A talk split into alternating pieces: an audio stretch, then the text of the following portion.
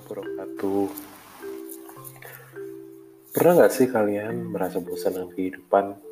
Mungkin nggak bosan dalam arti pengen mati aja kali ya, tapi lebih ke arah bosan terhadap norma dan aturan sosial yang ada di sekitar kita. Gue pernah bosan terhadap masyarakat dan norma-normanya. Gue pernah hidup di mana sebuah pencapaian itu ditandai oleh seberapa tinggi jabatan kita, indikator produktivitas merupakan indikator dari dari nilai kita dan seberapa banyak yang bisa kita capai dan sebagainya.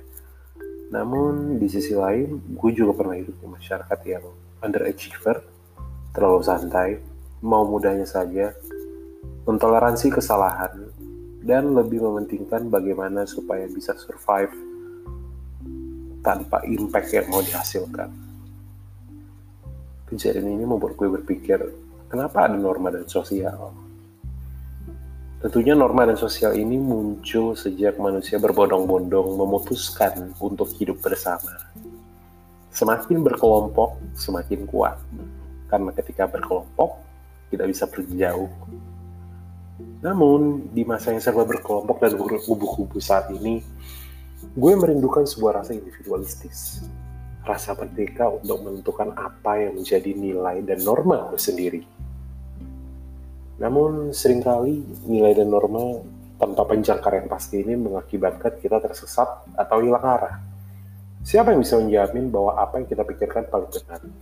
Siapa yang bisa menjamin bahwa pemikiran kita adalah pemikiran terbaik? Gue rasa nggak ada. Banyak orang berteori tentang kehidupan yang akhirnya menemukan kepentingannya sendiri kuliah gue di psikologi dan gue belajar berbagai paham-paham dan aliran-aliran. Sebagaimana Pavlov dengan behaviorismenya, Sigmund Freud dengan psikoanalisisnya, Albert Bandura dengan psikologi sosialnya, atau Maslow dengan humanistiknya. Gue melihat bahwa aliran dan paham muncul atas dasar manusia yang ingin mencari kejelasan terhadap hidupnya. Manusia ingin mencari makna tentang fenomena yang dilihatnya. Sebagaimana filosof dengan seluruh aliran-alirannya, pada dasarnya manusia adalah seseorang yang mencari makna. Namun, buat gue, makna ditemukan melalui pencarian jati diri. Pencarian tentang bagaimana kita mengenal diri sendiri.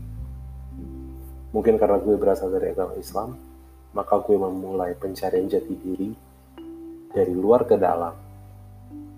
Mencari jati diri melalui paham-paham filosof dan ditarik ke dalam agama. Namun gue menemukan ketidaksesuaian. Hanya saja kesesuaian itu bukan berdasarkan perihal benar atau salah. Hanya saja sering kali filosof dan kaum pemuka agama tidak selalu berdiri pada sudut pandang yang sama. Pada akhirnya ketika gue mencoba mempelajari tentang kenapa manusia diciptakan, ada sebuah ayat di Al-Quran yang sangat menarik buat gue, yaitu surat Az-Zariyat ayat 56. Dan aku tidak menciptakan jin dan manusia, melainkan supaya mereka ibadah kepadaku. Buat gue, ini sebuah breakthrough dalam pencarian jati diri. Karena dengan tegas disebutkan apa yang menjadi tujuan manusia. Ibadah ini sendiri pun bisa berarti tunduk patuh, atau menyembah.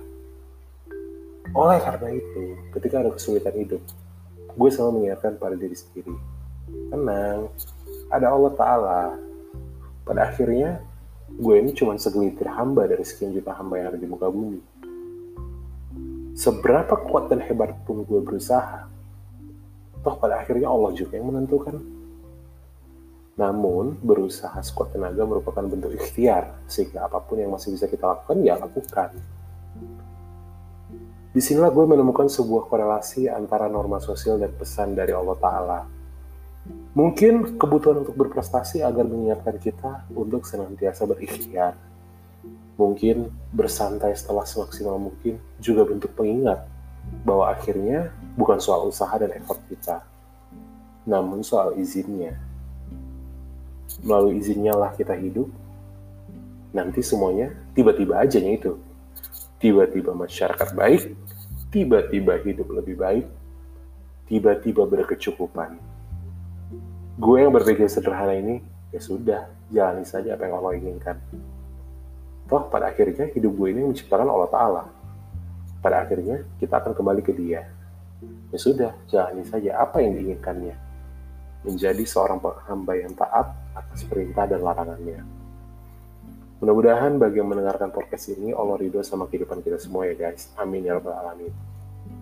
Terima kasih untuk waktu kamu yang sudah mendengarkan. Sampai ketemu di monolog selanjutnya. Assalamualaikum warahmatullahi wabarakatuh. Bye-bye.